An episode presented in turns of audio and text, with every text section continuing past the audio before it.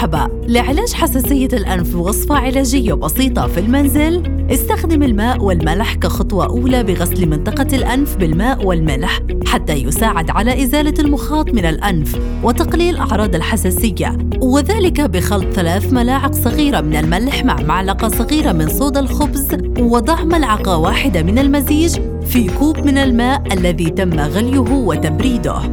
استنشق بخار الماء حتى يعمل على مسح الممرات الأنفية من المخاط الزائد عن طريق تعرضك لوعاء ماء ساخن مع تغطية الرأس بمنشفة واستنشاقه لمدة خمس إلى عشر دقائق.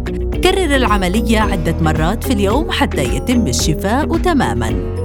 استخدم خل التفاح بديلا طبيعيا لحبوب حساسية الأنف التي تحتوي على مضادات الهستامين بإضافة معلقتين صغيرتين من خل التفاح إلى كوب من الماء ومن ثم شربه مرتين إلى ثلاث مرات يومياً. ويمكن إضافة العسل لتحسين مذاق المشروب وأخيراً اشرب الكثير من السوائل مثل الماء وعصائر الفاكهة الطازجة أو الحساء للمساعدة في إذابة المخاط وطرده من الأنف بسهولة أكبر مع تجنب تناول المشروبات التي تحتوي على الكافيين مثل الشاي والقهوة إلى اللقاء في وصفة علاجية جديدة.